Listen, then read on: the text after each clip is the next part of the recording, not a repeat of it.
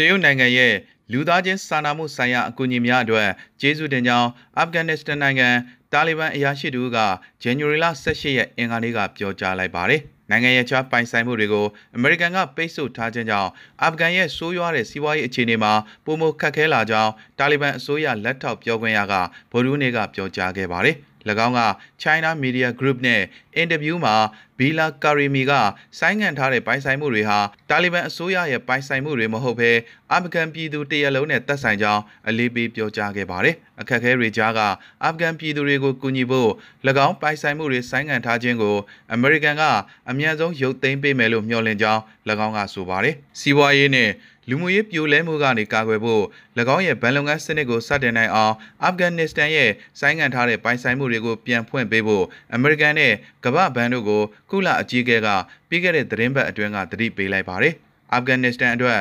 2022ကုလသမဂ္ဂလူသားချင်းစာနာမှုဆိုင်ရာအယူခံဝင်ထားတဲ့ပမာဏအမေရိကန်ဒေါ်လာ4.5ဘီလီယံရှိပေမဲ့ရန်ပုံငွေကွာဟချက်များစွာရှိနေပါတယ်။ နိုင်ငံတကာအတိုင်းဝန်းကိုအထူးသဖြင့်အလူရှင်နိုင်ငံတွေကိုအရှိန်မြင့်တင်ဖို့တရုတ်ကတောင်းဆိုထားပါတယ်။တရုတ်နိုင်ငံရဲ့လှူဒန်းမှုများကြောင့်နိုင်ငံအတွင်းတိုးတက်ကောင်းမွန်လာမှုကိုမြင်တွေ့ခဲ့ရပြီးအကူအညီအတွက်ကျေးဇူးတင်ရှိကြောင်းအာဖဂန်အရာရှိကပြောကြားခဲ့ပါတယ်။အာဖဂန်နစ္စတန်နဲ့ပထဝီအနေအထားအရနယ်နိမိတ်ချင်းထိစပ်နေတဲ့တရုတ်ဟာမိမိတို့အတွက်အလွန်အရေးကြီးတဲ့နိုင်ငံတစ်နိုင်ငံဖြစ်တယ်လို့ တမိုင်းကြောင်းအရာလည်းအနည်းကအဆက်အသွယ်ရှိခဲ့ပါတယ်။တရုတ်နိုင်ငံကကျွန်တော်တို့ကိုအကူအညီတွေပေးအပ်ခဲ့တဲ့အတွက်ချီးကျူးပါတယ်လို့တာလီဘန်ပြောခွင့်ရကဆိုပါတယ်။အလားတူပဲအာဖဂန်ပြည်သူတွေကနိုင်ငံတကာရဲ့ကူညီထောက်ပံ့မှုတွေအတွက်ကျေးဇူးတင်ရှိပြီးလူသားချင်းစာနာမှုအခြေအနေပေါ်ဖိအားများဖြေလျှော့ပေးတဲ့အနေနဲ့အမေရိကန်ကနိုင်ငံရဲ့ပိုင်ဆိုင်မှုတွေကိုပြန်ဖွင့်ပေးမယ်လို့မျှော်လင့်မှာကြောင်း၎င်းကဆိုပါတယ်။ အမေရိကန်ကအာဖဂန်ဘဏ်ရဲ့ပိုင်ဆိုင်မှုတွေကိုဆိုင်းငံ့ထားတာဟာကျွန်တော်တို့ဘဝတွေကိုဆိုးဆိုးရွားရွားထိခိုက်စေပါတယ်အထူးသဖြင့်အခုလိုအချိန်ခါမှာအစားအသောက်နဲ့အဝတ်စားအကူအညီတွေအချိန်မီရရှိဖို့လိုအပ်နေပါတယ်လို့ကဘူးမြို့ကန်ခါလစ်ရာဟီမီကပြောကြားခဲ့ပါတယ်ရုရှားနိုင်ငံအနေနဲ့ယူကရိန်းကိုကျူးကျော်ဝင်ရောက်လာပါကကြောင်းမဲ့ဖွဲရနွန်အိုင်ကြီးမှာမြုပ်သွားနိုင်တဲ့အနေနဲ့ရင်ဆိုင်ရမှာဖြစ်ကြောင်းပြည်ထောင်နိုင်ငံသားရေးဝန်ကြီးလစ်စတရက်စ်က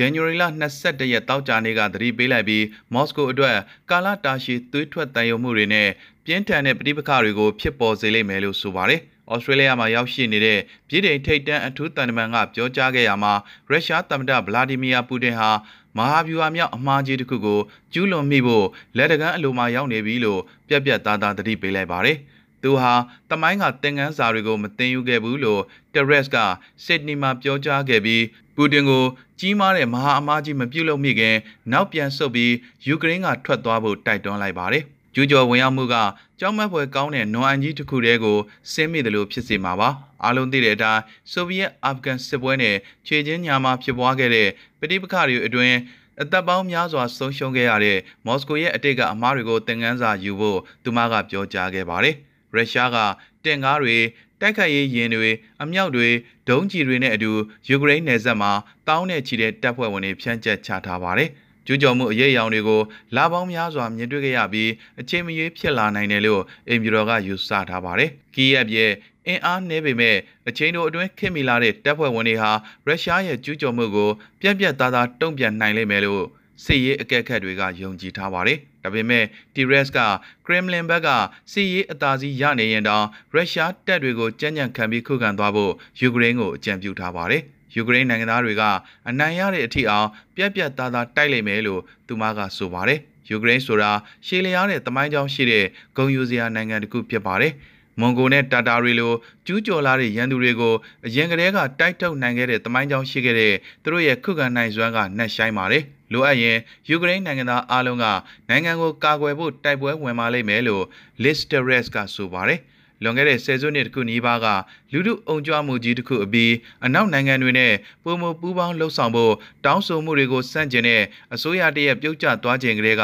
ရုရှားဟာယူကရိန်းအပေါ်မှာဖိအားတွေပေးလာခဲ့ပါတယ်။ယူကရိန်းအရှေ့ပိုင်းမှာရုရှားလိုလားတဲ့သဘုံထမှုတွေအတွင်းလူပေါင်း1300ကျော်သေဆုံးခဲ့ပြီး2014မှာခရိုင်းမီးယားကျွန်းဆွယ်ကိုမော်စကိုကသိမ်းပိုက်ခဲ့ပါတယ်။ ပြည်ထောင်ဟာယူကရိန်းကိုတင်ကားဖြတ်ဒုံးတွေလိုမျိုးဖျက်အားပြင်းလက်နက်တွေထောက်ပံ့ပေးနေတဲ့အနောက်နိုင်ငံတွေကတခုဖြစ်ပြီးရုရှားရဲ့ကြာရှုံးမှုအလားအလာကိုညှင့်တင်ပေးနေပါတယ်။ဝါရှင်တန်ရဲ့အတ္တလန်တစ်ကောင်စီကကျွမ်းကျင်သူတွေကလည်းယူကရိန်းတပ်ဖွဲ့တွေရဲ့စွမ်းရည်ဟာရခိုင်ရုရှားနဲ့ရုရှားကြောတော့နောက်ခံပြုတဲ့ယူကရိန်းအရှေ့ပိုင်းနဲ့တောင်ပိုင်းစစ်စင်ရေးတွေကအရေးချင်းတဲ့များစွာတာလွန်နေပြီလို့သုံးသပ်ကြပါတယ်။ဒီထက် ရုရှားရဲ့စီးပွားရေးကဏ္ဍနဲ့လူတူးချင်းအပေါ်အနောက်အုပ်စုရဲ့ပိတ်ဆို့အရေးယူမှုကြောင့်ပြင်းထန်တဲ့အကျိုးဆက်တွေနဲ့ရင်ဆိုင်ရမယ်လို့တက်ရက်စ်ကပြောကြားလိုက်ပါတယ်။တရုတ်နိုင်ငံရဲ့ရေအောက်မြေအရင်းအမြစ်တိုးလောင်မှုပမာဏမှာစုစုပေါင်းကုဗမီတာ52.1ထရီလီယံခန့်ရှိကြောင်းတရုတ်ဘူမိဗေဒစစ်တမ်းကောက်ယူမှုအဖွဲ့ကဇန်နဝါရီလ20ရက်ကြာသပတေးနေ့က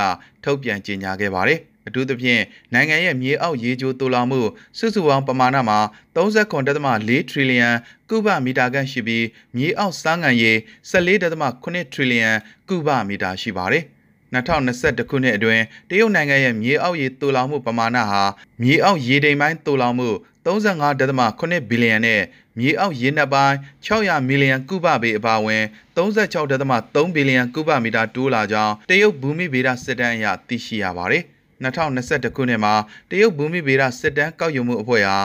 ရေရင်းမြစ်စစ်တမ်းကောက်ယူမှုကျွမ်းကျင်ယူနစ်25ခုနဲ့ပြည်내အဆင့်ဘူမိဗေဒပတ်ဝန်းကျင်စောင့်ကြည့်ရေးအေဂျင်စီ30ခုကိုဖွဲ့စည်းခဲ့ပါတယ်။ဒီအဖွဲ့တွေဟာပထမအကြိမ်နိုင်ငံတော်မြေအောက်ရေတူလောင်မှုကိုအကဲဖြတ်ဖို့အတွက် ပြီးခဲ့တဲ့နှစ်90အတွင်းနိုင်ငံတော်ဝန်မြေအောက်ရေရင်းမြစ်ပမာဏကိုတစုတစည်းတည်းတိုင်းတာခဲ့ပါတယ်။ဒါအပြင်မဟာဗျူဟာမြောက်ရေအရင်းမြစ်များထိမ့်သိမ်းစောင့်ရှောက်ရေးအတွက်ဇလဗေဒဆိုင်ရာစစ်တမ်းကောက်ယူခြင်းအမျိုးသားမြေအောက်ရေစောင့်ကြည့်ရေးစီမံကိန်းတွေနဲ့ရေအရင်းမြစ်တွေကိုအတည်ပြုမှတ်ပုံတင်ခြင်းမြေပေါ်မြေအောက်ရေပမာဏသုံးစွဲမှုကိုအချိန်ကာလနဲ့တွက်ချက်စီမံခန့်ခွဲခြင်းစတဲ့လုပ်ငန်းတွေကိုလှုပ်ဆောင်ခဲ့ပါတယ်။ယူကရိန်းကိုစစ်ရေးချင်းချောက်ပြီး ဥရောပမှာစစ်အေးခေတ်ကိုပြန်လည်အသက်သွင်းမဲ့လုပ်ရက်ကရုရှားအတွက်အန္တရာယ်ရှိတယ်လို့အမေရိကန်နိုင်ငံသားရေးဝန်ကြီးအန်တိုနီဘလင်ကန်ကဇန်နဝါရီလ20ရက်ကြာသပတေးနေ့မှာတတိပေးလိုက်ပါတယ်။ရုရှားနိုင်ငံသားရေးဝန်ကြီးဆာဂီလာရော့ဘ်နဲ့ တွဲဆုံဆွေးနွေးမှုမပြုခင်တရက်အလိုကဘာလင်မှာရောက်ရှိနေတဲ့ဘလင်ကန်ရဲ့ပြောကြားချက်မှာယူကရိန်းကို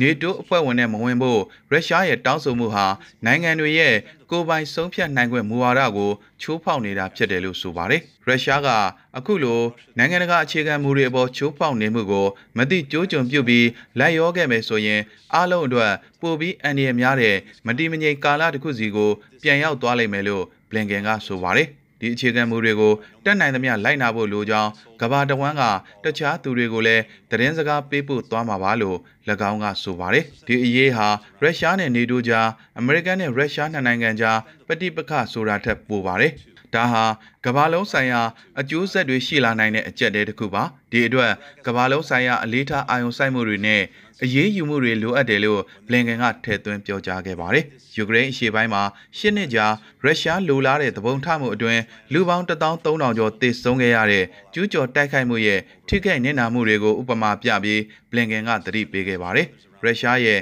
အသက်တပံရန်စမှုတွေကြောင့်ဖြစ်ပေါ်လာမဲ့လူသေဆုံးမှုတွေဟာဒီကနေ့အထိအောင်ကျွန်တော်တို့မြင်ဘူးကြားဘူးတဲ့ပမာဏထက်အများကြီးပိုလာမှာဖြစ်တယ်လို့ဘလင်ကန်ကဆိုပါတယ်။အီရန်၊ရုရှားနဲ့တရုတ်တို့ဟာအိန္ဒိယသမုဒ္ဒရာအတွင်း၃ရက်ကြာပူးတွဲစစ်ရေးလေ့ကျင့်မှုကိုတောက်ကြနေ့ကစတင်ခဲ့ပြီးဒါဟာဘုံလုံးကျော်ရေးကိုအားဖြည့်ဖို့ဖြစ်တယ်လို့အီရန်ရေတပ်အရာရှိတူကဇန်နဝါရီလ20ရက်ကြာသပတေးနေ့ကပြောကြားလိုက်ပါတယ်။အဆိုပါစစ်ရေးလေ့ကျင့်မှုကြီးညာချက်ဟာအီရန်သမ္မတ အီဘရာဟင်ရိုင်စီမော်စကိုကိုတရားဝင်လာရောက်လဲပတ်တဲ့အချိန်နဲ့တိုက်ဆိုင်နေပြီးတီဟီရန်ဟာရုရှားနဲ့ဆက်ဆံရေးတိုးချဲ့ဖို့အတွက်ကန့်သက်ချက်မရှိဘူးလို့ပြောကြားခဲ့ပါတယ်။ရုရှားနဲ့တရုတ်အပါအဝင်ကမ္ဘာအင်အားကြီးနိုင်ငံတွေနဲ့အီရန်တို့အကြား2015နျူကလ িয়ার သဘောတူညီချက်ကိုပြန်လည်အကောင့်ထဲပေါ်ရေးရည်ရွယ်တဲ့ဗီယက်နာဆွေးနွေးပွဲတွေမှာယခုလိုစီးရေးလေ့ကျင့်မှုကိုခွင့်ပြုဖို့လည်းပါဝင်ပါတယ်။ အဆိုပါသဘောတူညီချက်ဟာတီရန်ကို၎င်းရဲ့နျူကလ িয়ার အစီအစဉ်တွေအပေါ်တင်းကျပ်စွာကန့်သက်ချုပ်ချယ်ခြင်းအတွက်အပြန်အလှန်အနေနဲ့နိုင်ငံတကာပိတ်ဆို့အရေးယူမှုတွေကနေကင်းလွတ်ခွင့်ရခဲ့ပါတယ်။ဒါပေမဲ့အမေရိကန်သမ္မတဒေါ်နယ်ထရန့်က2018ခုနှစ်မှာသဘောတူစာချုပ်ကနေနှုတ်ထွက်ပြီးပိတ်ဆို့မှုတွေပြန်လည်ချမှတ်ခဲ့တဲ့အတွက်ဒီရန်ဟာ၎င်းရဲ့ကတိကဝတ်တွေကနေပြန်လည်ဆုတ်ခွာခဲ့ပါတယ်။ယခုစစ်ရေးလေ့ကျင့်မှုရဲ့ပြောခွင့်ရရေတပ်ဗိုလ်ချုပ်ကြီးမူတာဘာတာဂျစ်ဒီနီကလေ့ကျင့်မှုအတွင်း အီရန်မှရေတပ်တပ်ဖွဲ့12ခုတော်လန်ရေးအစောင့်တပ်ရဲ့ရေတပ်ဖွဲ့3ခုရုရှားရေတပ်ဖွဲ့3ခုနဲ့တရုတ်နိုင်ငံကတပ်ဖွဲ့2ခုတို့ပါဝင်မှာဖြစ်ကြောင်းနိုင်ငံမှာရုပ်သံကနေပြောကြားခဲ့ပါတယ်။အိန္ဒိယသမုဒ္ဒရာမြောက်ပိုင်းက area 18000စတူယန်မီတာအတွင်းလေ့ကျင့်သွားမှာဖြစ်ကြောင်း၎င်းကထပ်လောင်းပြောကြားခဲ့ပါတယ်။ဒီလေ့ကျင့်မှုဟာအီရန်ရုရှားနဲ့တရုတ်ရေတပ်များအကြားစွမ်းရည်မြင့်တင်ရန် တိုက်ပွဲပြင်ဆင်ရန်စီးရေးဆက်ဆံမှုအားကောင်းစေရန်ဘုံလုံးကြုံရေးနဲ့ပင်လယ်ရေကြောင်းအကြမ်းဖက်မှုတံပြန်ရေးအတွက်ပူးပေါင်းဆောင်ရွက်ဖို့ရည်ရွယ်ကြောင်းတာဂျစ်ဒီနီကဆိုပါတယ်2019ခုနှစ်ကလည်းအီရန်နဲ့ US မဟာမိတ်အာရက်အိန္ဒိချင်းနိုင်ငံများအကြားတင်းမာမှုမြင့်တက်နေချိန်မှာအိုမန်ပင်လယ်ကွေ့နဲ့အိန္ဒိယသမုဒ္ဒရာတို့အတွင်းအလားတူစီးရေးလေ့ကျင့်မှုတွေပြုလုပ်ခဲ့ပါသေးတယ်။ကံယောဂါကြောင့်ကြီးမားတဲ့စီးပွားရေးနှေးကွေးမှုကိုရုန်းကန်ရင်း နှစ်သက်ကူကိုနီးကပ်လာတဲ့ဗီယက်နမ်မှာရွှေချထားတဲ့ကြားရုပ်တွေကိုနှစ်သက်လက်ဆောင်ဖြစ်ဒေါ်လာရာနဲ့ချီပြီးဝယ်ယူလျက်ရှိကြပါတယ်။ဗီယက်နမ်မှာတက်ပွဲတော်ဟာနှစ်တနေ့ရဲ့အရေးပါဆုံးပွဲတော်ဖြစ်ပြီးချစ်ခင်ရသူတွေနဲ့စီးပွားရေးလုပ်ဖို့ကင်ဘက်တွေကိုလက်ဆောင်များပေးရတဲ့အခါသမယဖြစ်ပါတယ်။ဖေဖော်ဝါရီလတရက်နေ့ကစတင်တဲ့ ကြားနှစ်အတွက်အဖိုးတန်ကြားရုပ်တွေကို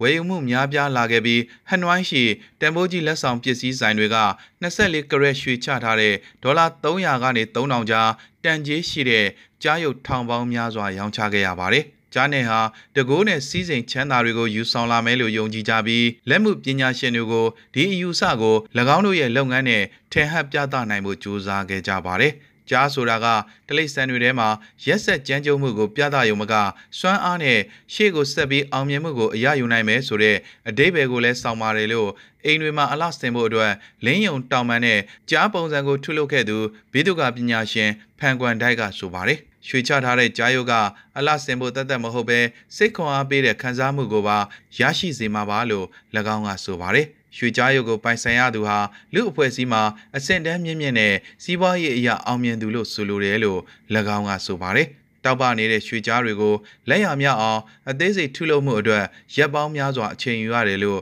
လက်မှုပညာရှင်တွေကဆိုပါတယ်။ဖန်တီးမှုလုပ်ငန်းစဉ်အတွင်းရှင်စည်းပုံဖော်ခြင်းအကျော်ကင်ခြင်းနဲ့စေးတုပ်ခြင်းတွေလိုအပ်ပြီးရွှေနဲ့ပြုတ်လုပ်တဲ့ကြားတွေမတိုင်ခင်ကကျေးနီပပူးရုပ်တွေကိုအသုံးပြုခဲ့ကြတယ်လို့ဆိုပါတယ်။ ရွှေချတဲ့အခါအကောင်းပေါက်တွေပါမကြံအောင်ရွှေအလွှာကိုကြားရုပ်ပေါ်မှာအငင်းအမြဖြန့်ကျက်နိုင်ဖို့ဂယုဒီဇိုင်းလှုပ်ဆောင်ရတယ်လို့ဟနွိုင်းမြို့ရှိကြားရုပ်အလုပ်ရုံတစ်ခုကလှုပ်သားဖြစ်သူလိုင်းဝေနန်က AFP ကိုပြောပြပါဗျ။ဗီယက်နမ်ဟာကိုဗစ်ကပ်ရောဂါကြောင့်စီးပွားရေးတိုးတက်မှုနှုန်းဟာလွန်ခဲ့တဲ့နှစ်30ကနှုတ်အောက်ကိုကျသွားခဲ့ပြီးအလုတ်အကင်ပေါင်း1.4တန်းကျော်ဆုံးရှုံးခဲ့ပါတယ်ကျွန်တော်ထုလုပ်တဲ့အတောင်ပံပါတဲ့ကြားက နှစ်သက်မှာအောင်မြင်မှုတွေရရှိစေဖို့ရည်ရွယ်ပါတယ်လို့ဖန်ကွမ်ဒိုကဆိုပါတယ်ထောင်နဲ့ချီတဲ့ဂျီဟက်ဝါဒီတွေအဖြစ်တန်တရားရှိသူတရားခံများထားရှိရာဆီးရီးယားနိုင်ငံရှိအကျဉ်းတော်တစ်ခုကို IS ကတိုက်ခိုက်ခဲ့တဲ့အတွက်ကတ်လုံခြုံရေးတပ်ဖွဲ့ဝင်18ဦးထပ်မံတေဆုံးခဲ့ကြောင်းစောင့်ကြည့်လေ့လာသူတို့ကဇန်နဝါရီလ22ရက်တောက်ကြနေ့ကပြောကြားလိုက်ပါတယ်ဆီးရီးယားလူအခွင့်အရေးစောင့်ကြည့်လေ့လာရေးအဖွဲ့ကလည်းအဆိုပါတိုက်ခိုက်မှုအတွင်း IS ဂျီဟက်ဝါဒီ16ဦးထပ်မံတေဆုံးခဲ့ကြောင်းပြောကြားခဲ့ပါတယ် ဂျာတာပရီနေညကဂါဝယန်အကျဉ်းထောင်ကို IS အဖွဲ့ကတိုက်ခိုက်မှုကြောင့်တိုက်ပွဲတွေဖြစ်ပွားခဲ့တယ်လို့ဆီးရီးယားပြည်တွင်းသတင်းရင်းမြစ်ကွန်ရက်ကိုမိခိုနေရတဲ့ပြည်ထောင်အခြေစိုက်စောင့်ကြည့်လေ့လာရေးအဖွဲ့ကဆိုပါတယ်။ကပြည်တွင်းလုံခြုံရေးတပ်ဖွဲ့တွေအနေနဲ့အကျဉ်းထောင်အဆောင်တွေပါဝင်အားလုံး18ဦးသေဆုံးခဲ့တယ်လို့အဖွဲ့ကပြောကြားခဲ့ပြီးဒါဟာ IS လူလားတဲ့ပြည်နယ်တွေကတိုက်ခိုက်မှုစတင်ကြောင်းကြေညာခဲ့တဲ့2019ခုနှစ်နောက်ပိုင်းအပြင်းထန်ဆုံးတိုက်ခိုက်မှုဖြစ်ပါတယ်။ တည်ဆုံးသူတွေဟာဆီးရီးယားဒီမိုကရက်တစ်တပ်ဖွဲ့ကတ်ကိုပိုင်အုပ်ချုပ်ခွင့်ရစစ်တပ်နဲ့တရားဝင်ဆက်နွယ်မှုမရှိကြောင်းစောင့်ကြည့်လေ့လာရေးအဖွဲ့ကဆိုပါတယ်။ဆီးရီးယားအရှေ့မြောက်ဘက်ကြီးဟာဆာကီမြို့ရှိဂါဝေယန်ကျင်းတော်မှာ IS အဖွဲ့ရဲ့အကြီးတန်းခေါင်းဆောင်တချို့အပါအဝင်တန်တရားရှိသူ3500ခန့်ကိုထိန်းသိမ်းထားပါတယ်။ထောင်တွင်းကလွတ်မြောက်ဖို့ IS အကျဉ်းသားတွေကဆက်လက်ကြိုးပမ်းခဲ့တဲ့အတွက်တောက်ကြနေ့မှာတိုက်ခိုက်မှုတွေထပ်မံဖြစ်ပွားခဲ့ကြောင်းစောင့်ကြည့်လေ့လာသူတွေနဲ့ကတ်တပ်ဖွဲ့ဝင်တွေကိုပြောကြားခဲ့ပါတယ်။ IS စစ်သွေးကြွတွေရဲ့ဒုတိယအကြိမ်ဆုလိုက်အပြုံလိုက်ထောင်ဖောက်ရန်ကြိုးပမ်းမှုကိုကင်တွယ်ဖြည့်ရှင်းနေကြောင်း SDF ကတောက်ကြနေမှာပြောကြားခဲ့ပါတယ်။တပ်ဖွဲ့တွေကထွက်ပြေးဖို့ကြိုးစားတဲ့စစ်သွေးကြွအုပ်စုကြီးကိုဝိုင်းထားပါတယ်လို့ကတ်လုံညိုရေးတပ်ဖွဲ့ဝင်ထိခိုက်ကြဆုံးမှုအရေးအတွက်ကိုအတည်ပြုခြင်းမရှိဘဲပြောကြားခဲ့ပါတယ်။နောက်ဆက်တွဲထုတ်ပြန်ချက်တစ်ခုမှာထောင်ကထွက်ပြေးဖို့ကြိုးစားတဲ့ကြေးစားစစ်သား89ဦးကိုအကျဉ်းတော်ရဲ့ထောက်ပံ့ရေးအဆောက်အဦအနီးမှာဖမ်းဆီးရမိခဲ့ကြောင်းပြောကြားခဲ့ပါတယ်။ ထောင်အနီးတစ်ဝိုက်မှာတိုက်ပွဲတွေဆက်လက်ဖြစ်ပွားနေတယ်လို့ထုတ်ပြန်ချက်မှာပါရှိပါတယ်။တွန်ကာမှာမီးတောင်ပောက်ကွဲမှုအပြီးပီရူးနိုင်ငံကော်လာဝိုပြည်နယ်ဘင်တနီလာခရိုင်အနီးပင်လယ်ပြင်ကရေနံယိုဖိတ်မှုကြောင့်ညဉ့်ညမ်းနေတဲ့ကမ်းခြေကိုတန်ရှင်းရေးဆောင်ရွက်နေပြီဖြစ်ကြောင်းပီရူးနိုင်ငံသားရေးဌာနကပြောကြားခဲ့ပါတယ်။ဒီဒီဂျင်မတော်တဆမှုဟာမြို့တော်မာလီအနီးတစ်ဝိုက်မှာမကြသေးမီကာလများအတွင်းဖြစ်ပွားခဲ့တဲ့အဆိုးရွားဆုံးဂေဟဗေဒဘေးအန္တရာယ်ဖြစ်တယ်လို့ဆိုပါတယ်။ တွန်ကာမှာမီးတောင်ပောက်ကွဲပြီးဖြစ်ပေါ်လာတဲ့ဆူနာမီကြောင့်ရေနံချက်စိတ်ုံစီကိုတည်ပို့နေတဲ့ကရုသင်းမောစီကရေနံစီပေါင်း6000ခန့်ယိုဖိတ်ခဲ့ပြီးအနီးနားရှိကမ်းခြေတစ်ခုရဲ့1.8ဟက်တာအနည်းဆုံးရှိတဲ့ area ကိုညဉ့်ညမ်းစေခဲ့တယ်လို့စပိန်ရေနံကုမ္ပဏီကြီး Repsol ကဆိုပါတယ်။ဘင်တနီလာခရိုင်ရဲ့အုပ်ချုပ်ရေးမှူး Pedro Spadaro ကအဆိုပါဒေတာအတွက်တဘာဝပတ်ဝန်းကျင်ဆိုင်ရာအရေးပေါ်အခြေအနေကြီးညာဖို့အစိုးရကိုတောင်းဆိုခဲ့ပါတယ်။ ဒေတာတွင်းရှိတဘာဝကျိုးဝိုင်းတစ်ခုနဲ့ယာနဲ့ချီတဲ့တငါတဲ့မိသားစုတွေအတွက်ကြီးမားတဲ့ဆုံးရှုံးနေတာမှုတွေဖြစ်စေခဲ့တဲ့အဆိုပါမတော်တဆမှုအတွက်ရော်ကြေးပေးဖို့နိုင်ငံရေးဌာနက Repsol ကုမ္ပဏီကိုတောင်းဆိုခဲ့ပါတယ်။ဒါပေမဲ့မမျှော်လင့်တဲ့တဘာဝဘေးအန္တရာယ်ကြောင့်ဖြစ်ခဲ့တဲ့မတော်တဆမှုအတွက်တာဝန်မရှိကြောင်းကုမ္ပဏီကပြောကြားခဲ့ပါတယ်။